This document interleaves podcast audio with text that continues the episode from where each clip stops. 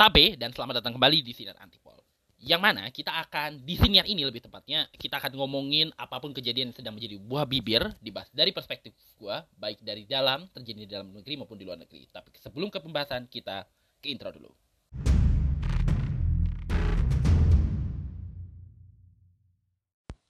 Gue tuh sebenarnya agak rungsing untuk uh, topik siniar ya setelah dibuat rungsing sama gara-gara tahun lalu uh, oleh eskalasi di Ukraina dan Rusia yang nampaknya belum selesai-selesai juga, gue nggak ngerti kenapa. Uh, sekarang eskalasi kembali terjadi kali ini. Uh, ini bukan hal baru sih sebenarnya. Kalau Ukraina uh, konfliknya sih nggak terlalu besar-besar, baru besar-besar amat tahun ini walaupun uh, remah-remahnya udah berlangsung uh, cukup lama bahkan sampai ada pesawat jatuh kan waktu itu uh, dijatuhkan oleh salah dikatakan dijatuhkan oleh roketnya Rusia. Nah, ini peristiwa udah berulang, selalu berulang. Pemicunya pun sebenarnya sama aja gitu. Beritanya berulang gitu, peristiwanya berulang dalam beberapa tahun terakhir yang gue maksud adalah situasi di uh, jalur Gaza Palestina. Ini sebenarnya udah situasi udah sering banget invasinya. Ya setidaknya sejak uh, partai Hamas menguasa jadi apa ya penguasa di Gaza itu udah sering banget sering banget Israel melakukan invasi ke sana. Nanti ada pembahasannya di salah satu episode kenapa itu bisa terjadi gitu ya. Dari perspektif gue tentunya. Tapi yang akan gue bahas kali ini. Ada kaitan dengan peristiwa yang terjadi uh, di Palestina yang gue bilang nih ini serangan berulang gitu ya. Uh, sepanjang hidup gue uh, sepanjang hidup gue uh, kejadian di jalur Gaza ini udah berapa kali di berita, masuk berita ya? 2006 2008 2009 uh, 2012 2014 terus ya 2021 2023 yang masuk di radar gue ya sekitar tujuh kali. Udah sering. Gaza tuh digempur. Udah sering berita-berita soal ini. Udah sering gue denger narasi-narasi mengenai ini. Gitu loh. Jadi gue nggak kaget. Kalau yang mungkin uh, uh, ngikutin uh, tentang isu Palestina terutama yang mempercayai narasi soal Palestina ya.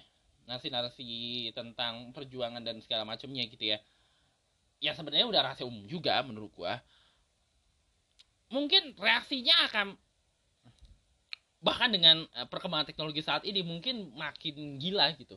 Tapi buat gua gua udah gak kaget.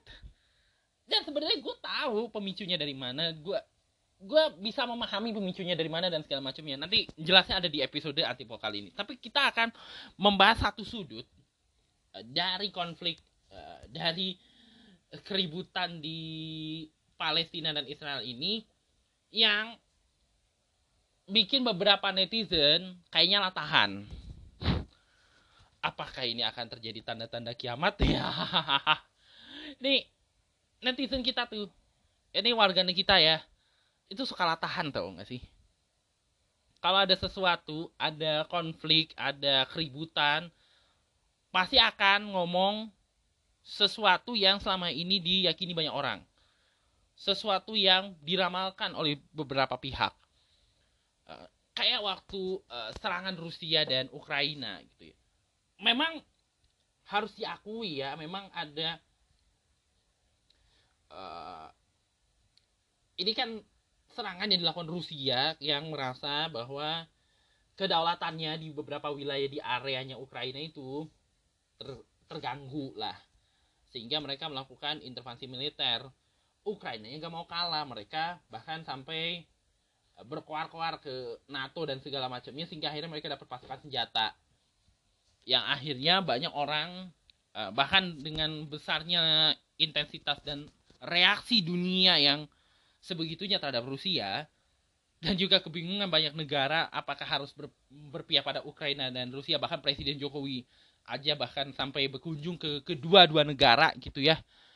Uh, berkaitan dengan situasi itu banyak yang latahan bilang wah ini pasti akan perang dunia ketiga gitu. Nah terjadi lagi nih waktu peristiwa Palestina beberapa kali isu-isu soal Palestina itu banyak orang latahan soal kiamat. Karena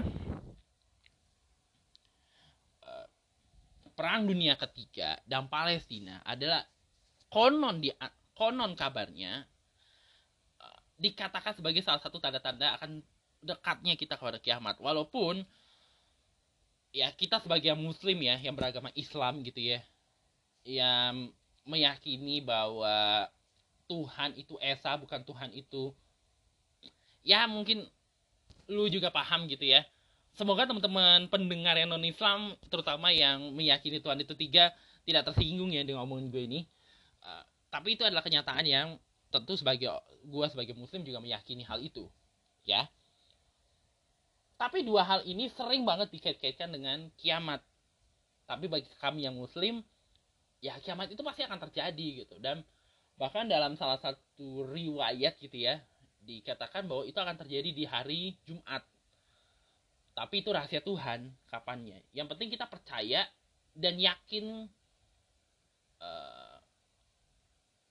meyakini itu pasti akan terjadi kan itu bagian dari keimanan gitu bagian dari rukun iman sesuatu yang apabila diyakini akan membuat kita makin sadar, makin untuk mendekatkan diri kepada Sang Halik. Allah Subhanahu wa taala. Ah, ngaco. Allah taala lah gitu ya. Uh, sampai mana tadi? Astagfirullahaladzim. Uh, kiamat itu kan pasti akan terjadi ya seperti yang gue bilang tadi. Uh, tapi mungkin dia bagi kita semua gitu ya uh, sering banget tuh ya uh, dikasih tahu tanda-tanda kiamat dan segala macamnya. Kiamat ada yang tanda kiamat kecil ada yang tanda kiamat besar. Uh, yang paling nyata depan mata kita gitu ya adalah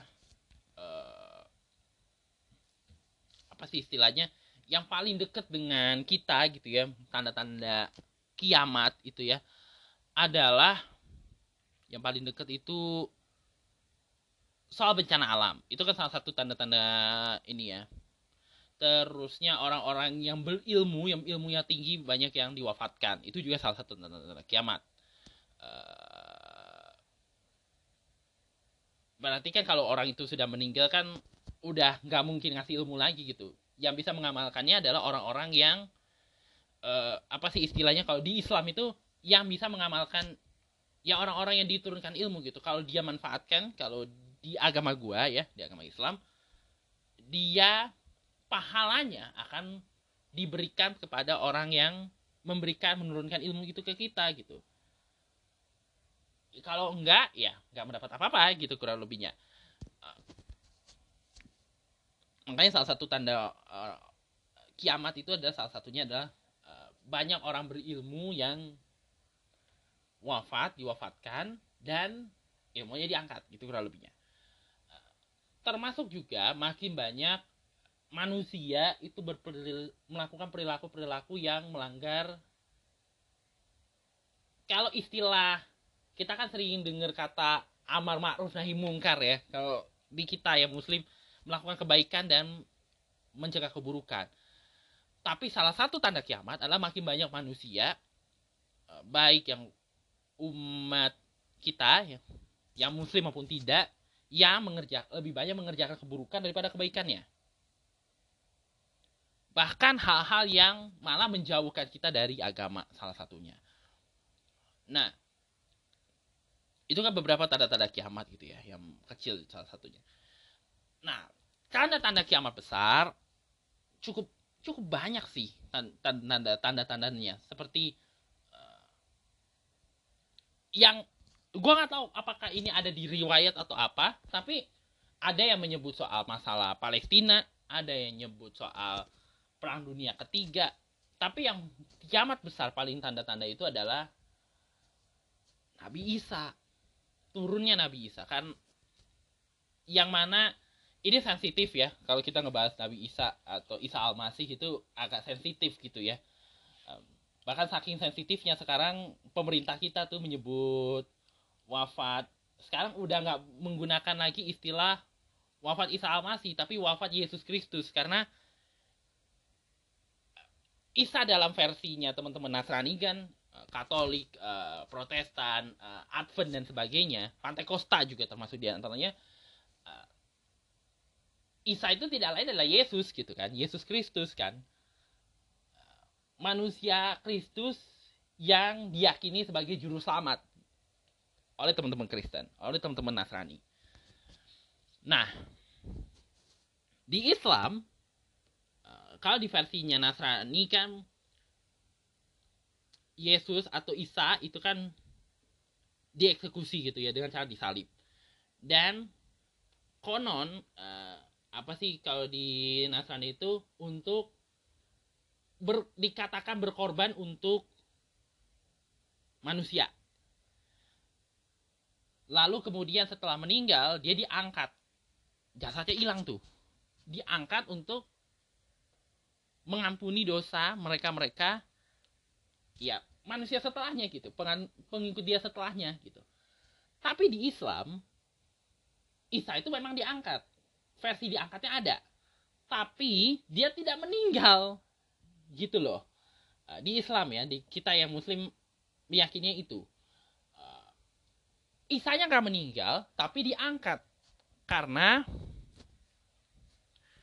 uh, si karena semakin besarnya ujian yang yang mungkin karena mujizat yang dia uh, diturunkan kepada Nabi Isa cukup banyak gitu ya nyembuhin orang sakit dan segala macam. Yang di Kristen juga dianggap sebagai kekuatan dikatakan sebagai kekuatan daripada trinitasnya Isa gitu ya atau Yesus Yesus gitu ya. Makanya orang pada mulai ada kebencian lah sehingga ingin menghabisi Isa. Akhirnya kalau dalam riwayat Al-Quran versi riwayat Al-Quran versi Muslim ya yang tidak langsungnya diangkatlah dia kepada Allah Ta'ala Nah, ada orang yang pengikutnya Isa yang eh, nggak uh, beraturan diserupakan mukanya seperti Nabi Isa. Nah, dialah yang sebenarnya disalib dalam versi Al-Quran. Yang kalau dipikir-pikir logika boleh jadi ke arah situ. Cuma yang kesimpulan uh, singkatnya adalah membahas Isa itu adalah sesuatu hal yang sensitif.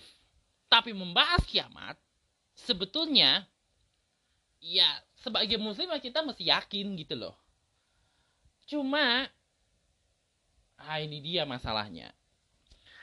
Jadi Nabi Isa itu kan trendingnya di Twitter. kita langsung ke pembahasannya aja. Jadi Nabi Isa itu trending di Twitter.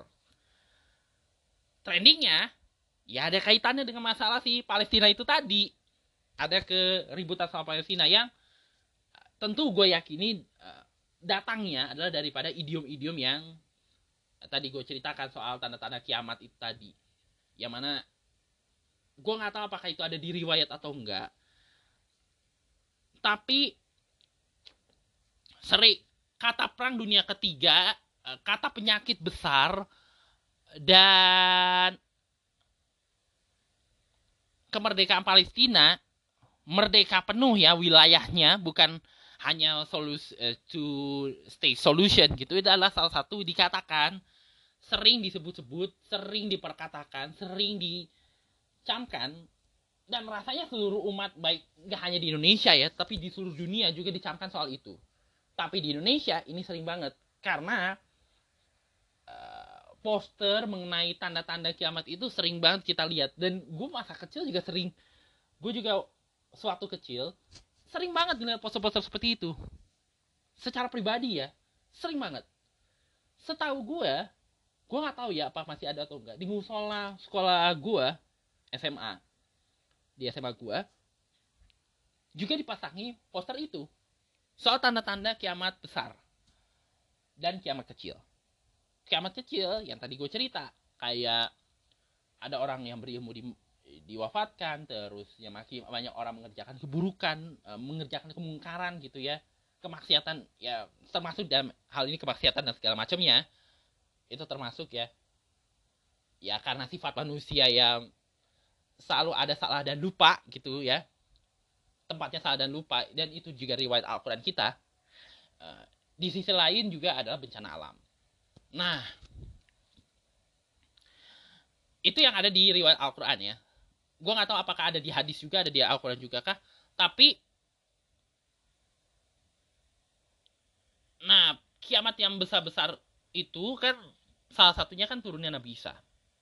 Dan juga ada kemunculan orang eh, orang ini dikatakan akan menebar fitnah dan membuat kebingungan. Sehingga orang kebingungan mana yang benar, mana yang salah. Gitu. Semoga benar ya. Kalau ada yang salah-salah dikit mohon dipahami ya karena itu pemahaman gue terhadap kiamat. Uh, turunnya nah, nah terus ada tweet nih terus karena ada konflik dibahas lagi nih yang kemungkinan datang dari orang-orang yang ya udah ke idiom dari lama soal keterkaitan masalah Palestina dengan kiamat dulu waktu uh, ada pemerintahan bisa dibilang pemerintahan persatuan gitu ya si siapa sih yang perdana menterinya dulu tuh dari partai oposisi aja namanya. Yang pasti kan Israel itu kan habis bikin jadi ini sebelum situasi Gaza yang sekarang ya. Itu kan pemerintah Israel sempat gonjang ganjing ya karena Netanyahu ini kan dianggap pemimpin yang uh, korup gitu ya. Sehingga digulingkan oleh gabungan partai-partai besar partai-partai yang berkuasa di Israel bikin koalisi ya macam kayak kerajaan perpaduan di Malaysia gitu ya nah terus salah satu programnya adalah berdamai dengan Palestina Nah, banyak orang latahan nih. Netizen kita banyak yang latahan.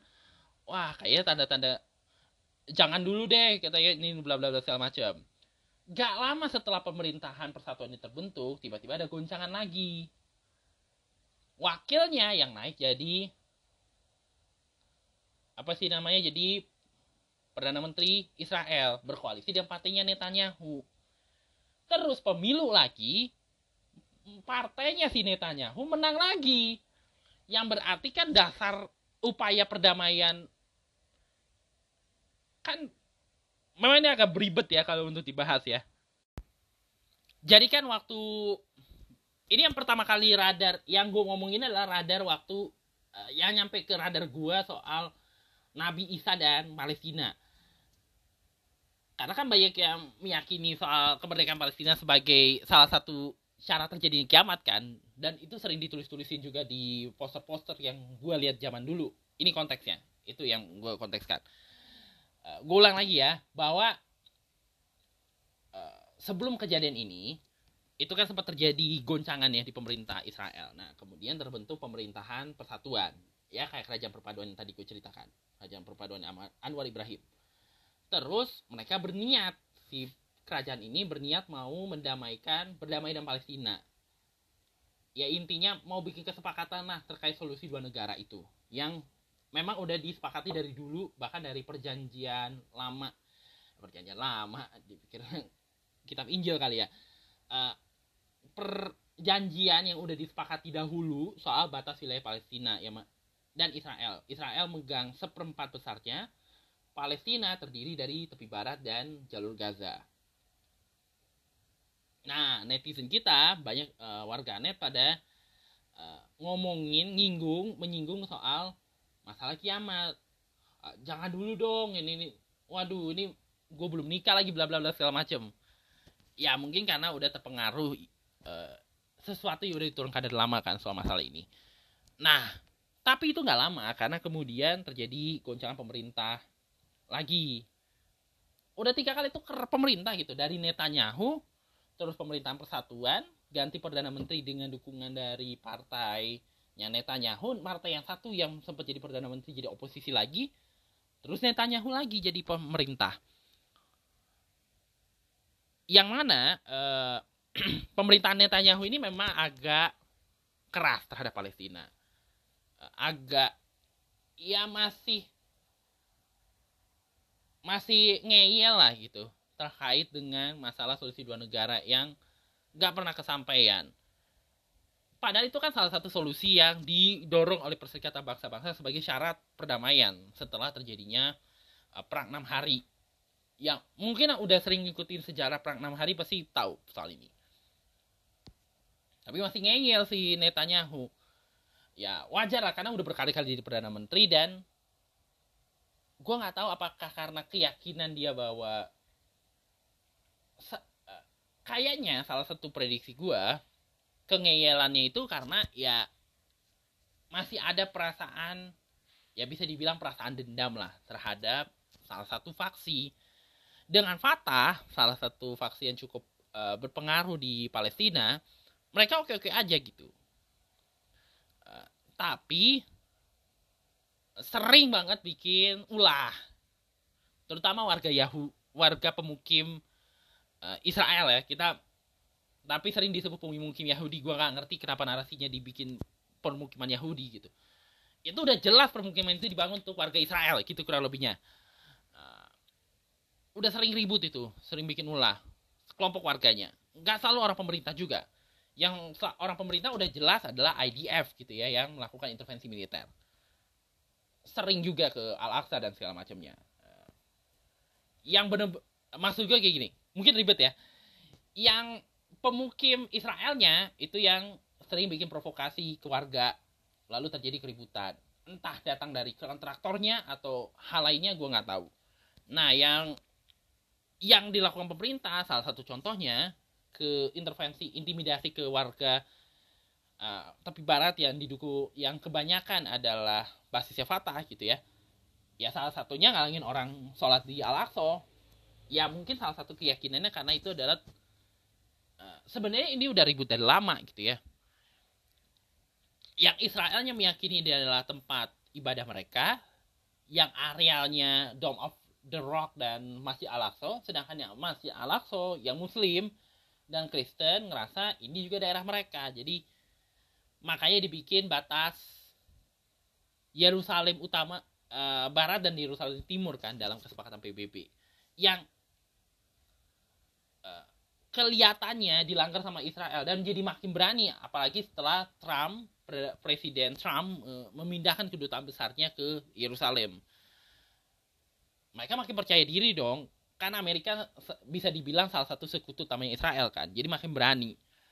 Akhirnya terjadilah intervensi militer. Berkali-kali gitu ya. Sebenarnya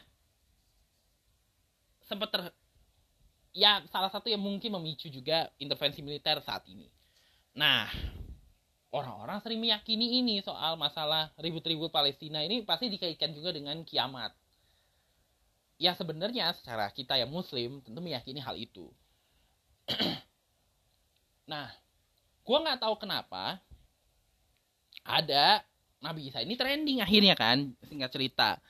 Nah terus gue nggak tahu pemicunya dari mana tapi gue ketemu satu tweet tweetnya dari Romeo Gadungan terus si Romeo Gadungan ini uh, dia nge-tweet intinya adalah soal hal-hal yang tapi inti akhirnya dia bilang tinggal tunggu bisa turun aja gitu katanya. Nah, terus kemudian eh, gue nggak tahu dia ini musim atau bukan. Tweetnya ini rame. Gue nggak tahu keramaiannya dimulai dari mana. Tapi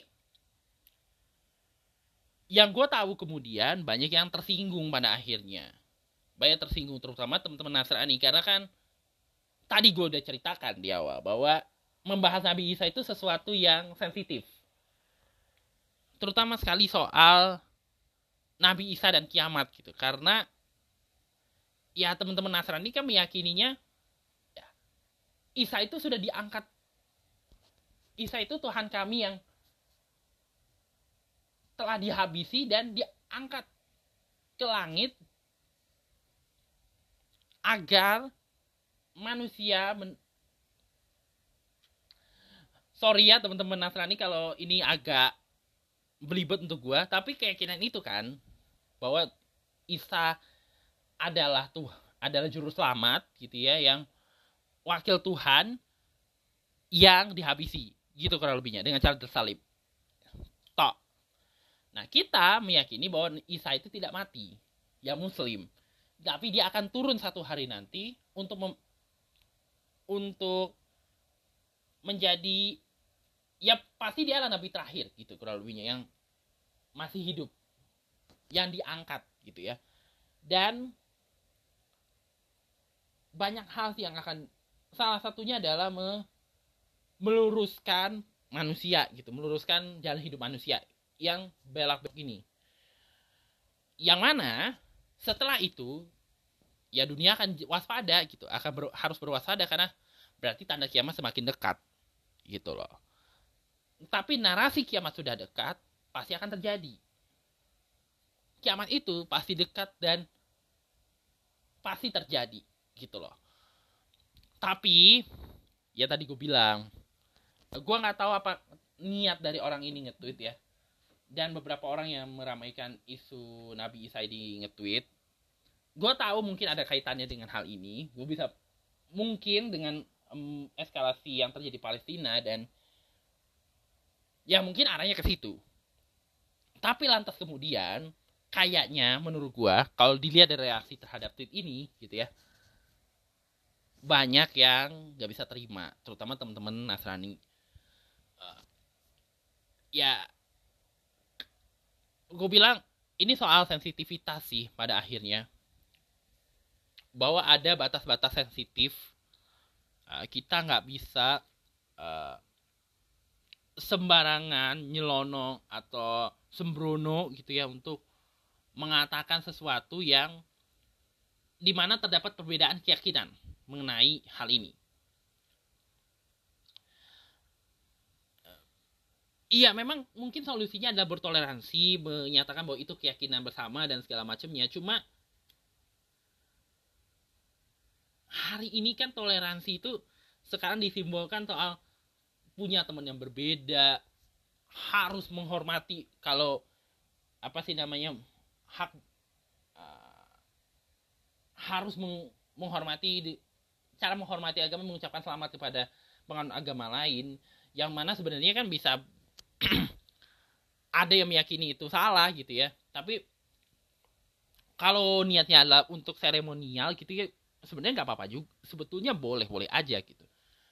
Coba kan yang nggak boleh kan ikut ritualnya aja kan gitu. Kayak Natal gitu ya mengucapkan selamatnya mungkin boleh boleh saja gitu. Dan beberapa uh, ada dasarnya juga. Cuma yang nggak boleh itu kan sebenarnya mengikuti ritualnya gitu ritual-ritual Natal gitu kan. Kalau cuma makan bersamanya uh, Christmas dinner ya kalau di barat itu ya tradisinya ya oh, ya nggak apa-apa kalau menerima undangan. Tapi kalau sampai ikut kebaktian misal Natal itu ya nggak boleh.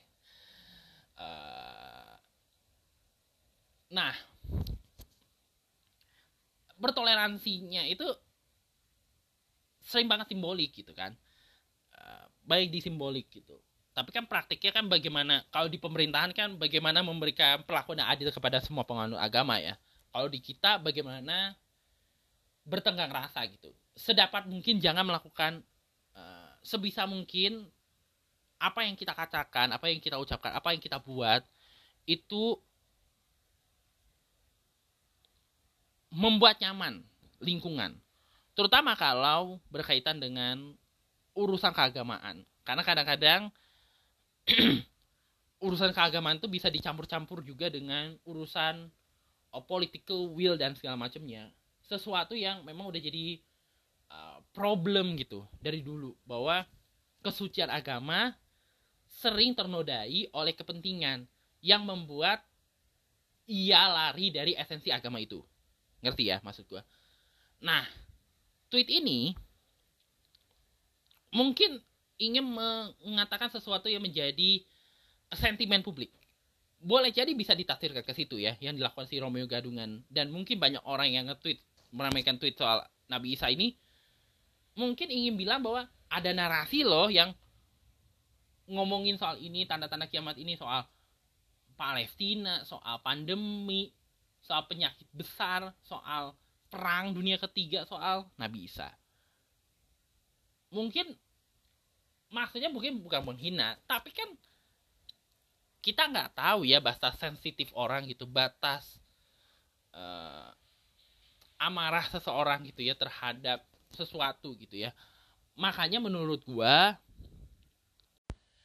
uh, kita boleh berpandangan bahwa demikian gitu ya. Tapi kembali lagi bahwa iya ketika itu muncul di ruang publik kita harus memastikan bahwa apakah omongan ini mungkin akan menimbulkan perasaan kurang enak di sebagian yang lain gitu ya.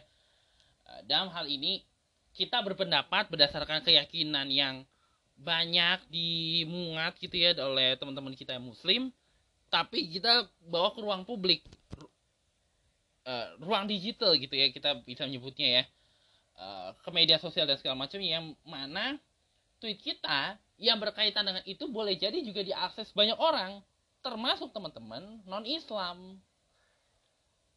terutama sekali uh, dalam konteks kasus ini teman-teman Nasrani. Apakah teman-teman Nasrani bisa memahami bahwa ada hal tersebut atau justru sebaliknya? Dan gini ya apa sih menurut gua keyakinan teman-teman Nasrani terhadap masalah juru selamat ini kan kuat banget gitu ya.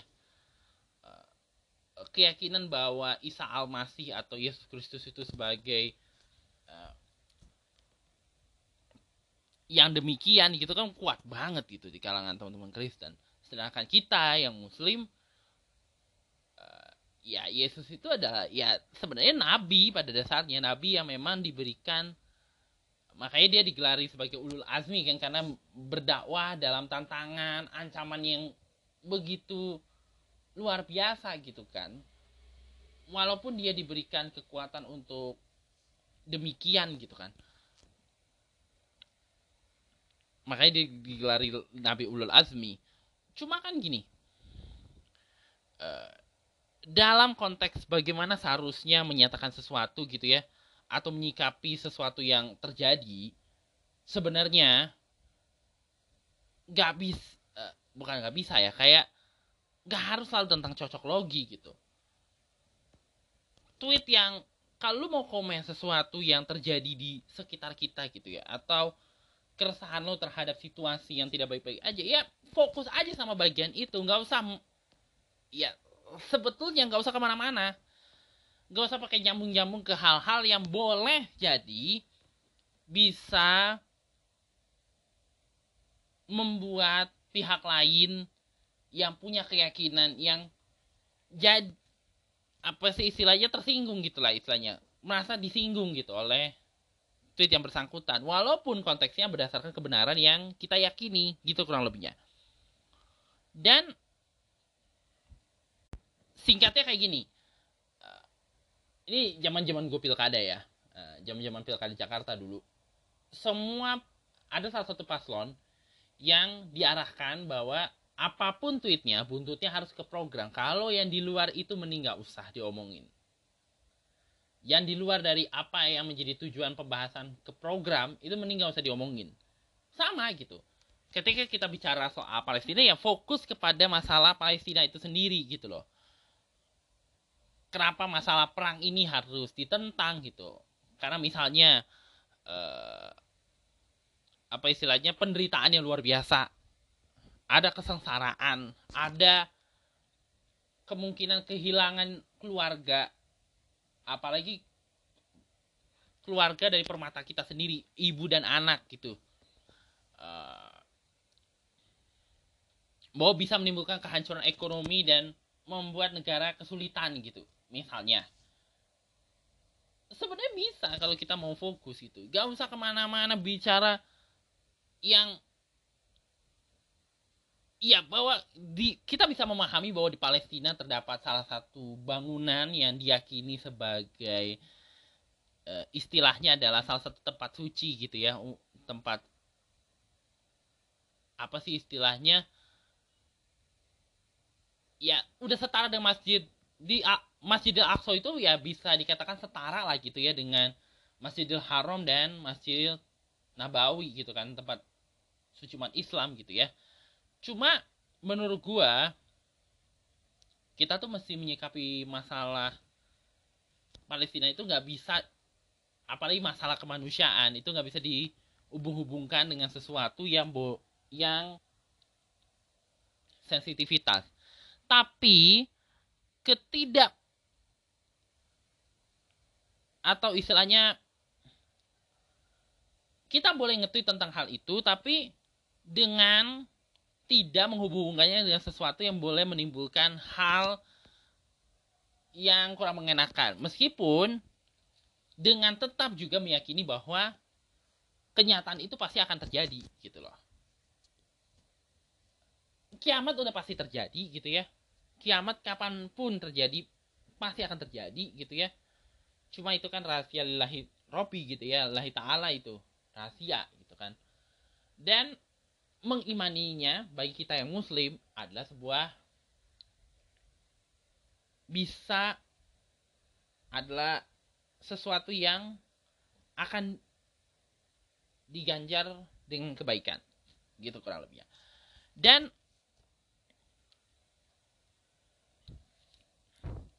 bahwa Isa pasti akan turun gitu dan ayat dan itu juga mesti diyakini gitu ya karena itu keyakinan dalam Islam gitu dan bagi kami yang Muslim. Tapi sekali lagi gue bilang bahwa menghubungkan uh, ya bahwa benar Nabi Isa berasal dari Palestina ya tapi menghubungkannya dengan isu uh, Palestina itu sesuatu yang gue khawatir ini bisa jadi bagian dari uh, mengatakan sesuatu dalam emosional. Kan kalau mau ngomong sesuatu termasuk di dunia digital kan harus dipikir-pikir gitu kan daripada nanti diucapkan kemudian disesali gitu kalau lebihnya. Jadi ya intinya kita berhati-hati aja lah gitu ya dalam mengetahui sesuatu. Jadi sebetulnya uh, kok kita bisa pelajari lah dari masalah ini bahwa bahwa iya uh, kiamat mesti diyakini gitu ya. Bahwa mengiman bahwa kiamat kita sebagai muslim harus percaya bahwa kiamat itu pasti akan terjadi. Pertama. Yang kedua tanda-tanda mungkin ya tanda-tanda kiamat sugro maupun kiamat kubro yang paling utama gitu ya. Yang paling sering kita ketahui ya muncul sebagai eh, sebenarnya sebagai kewaspadaan gitu. Dimunculkan sebagai eh, atau disari dari ayat-ayat Al-Quran itu sebagai sebuah keniscayaan dan peringatan untuk kita semua agar berhati-hati dalam menjalani kehidupan dunia ini. Bahwa segala sesuatunya harus didasari oleh keimanan dan ketakwaan agar kita selamat di akhirat. Dan keyakinan bahwa Nabi Isa keyakinan kita terhadap Nabi Isa jangan sampai juga membuat uh, kita mengomongin sesuatu berkaitan dengan dia tapi uh, narasi yang digunakan juga harus tetap memperhatikan teman-teman yang mungkin keyakinannya terhadap masalah Nabi Isa ini uh, lain daripada kita. Dan di sisi lain, terakhir Eh, dalam nge-tweet, dalam menyampaikan sesuatu opini, suara uh, ataupun pandangan kita di media sosial itu mesti bijaksana. Kebijaksanaan itu penting. Apa sih istilahnya? Sebelum di-tweet atau sebelum mengkicaukan sesuatu atau memposting sesuatu, dipikirkan kata-katanya, dipikirkan kontennya dan segala macamnya, jangan sampai menimbulkan hal-hal yang kurang mengenakan. Serta uh, apa istilahnya kalau tweetnya berdasarkan informasi yang kita dapat pastikan baca dulu informasinya baru baru bisa bikin tweet berdasarkan informasi tersebut agar masyarakat tidak ke-trigger gitu loh. Karena sekarang eranya era pasca kebenaran. Kita harus sadar bahwa kita di era pasca kebenaran di mana kebenaran uh, itu berdasarkan berversi-versi dan bi dan bisa jadi antara versi satu dan versi lain bisa saling bertentangan dan boleh jadi ada yang nggak benar. Jadi bijak dalam memilah dan memilih informasi itu jadi satu keunggulan dalam era digital saat ini. terutama sekali yang berkaitan dengan hal-hal yang sensitif jadi berhati intinya berhati-hati kalau mau ngomong sesuatu apalagi ber, berhubungan dengan hal sensitif jangan sampai kita menyesal di kemudian hari jadi itu aja sih pembahasan gue untuk episode kali ini semoga ada manfaatnya. Kalau misalnya ada kurang ada kalimat-kalimat yang salah apalagi dalam pengutipan uh, yang berkaitan keagamaan mau uh, mohon dimaklumi dan boleh dikoreksi juga kalau di komentar atau di inian di postingan siniar saya di Instagram supaya jadi introspeksi diri lah untuk memperbaiki diri gitu lebihnya dan ini kan pendapat dari perspektif gue jadi mungkin ada keliru-kelirunya dikit ya karena gue juga nggak terlalu pemahaman agamanya juga belum terlalu baik gitu dan kita akan berjumpa kembali di pembahasan-pembahasan lainnya di siniar Antipol New Era.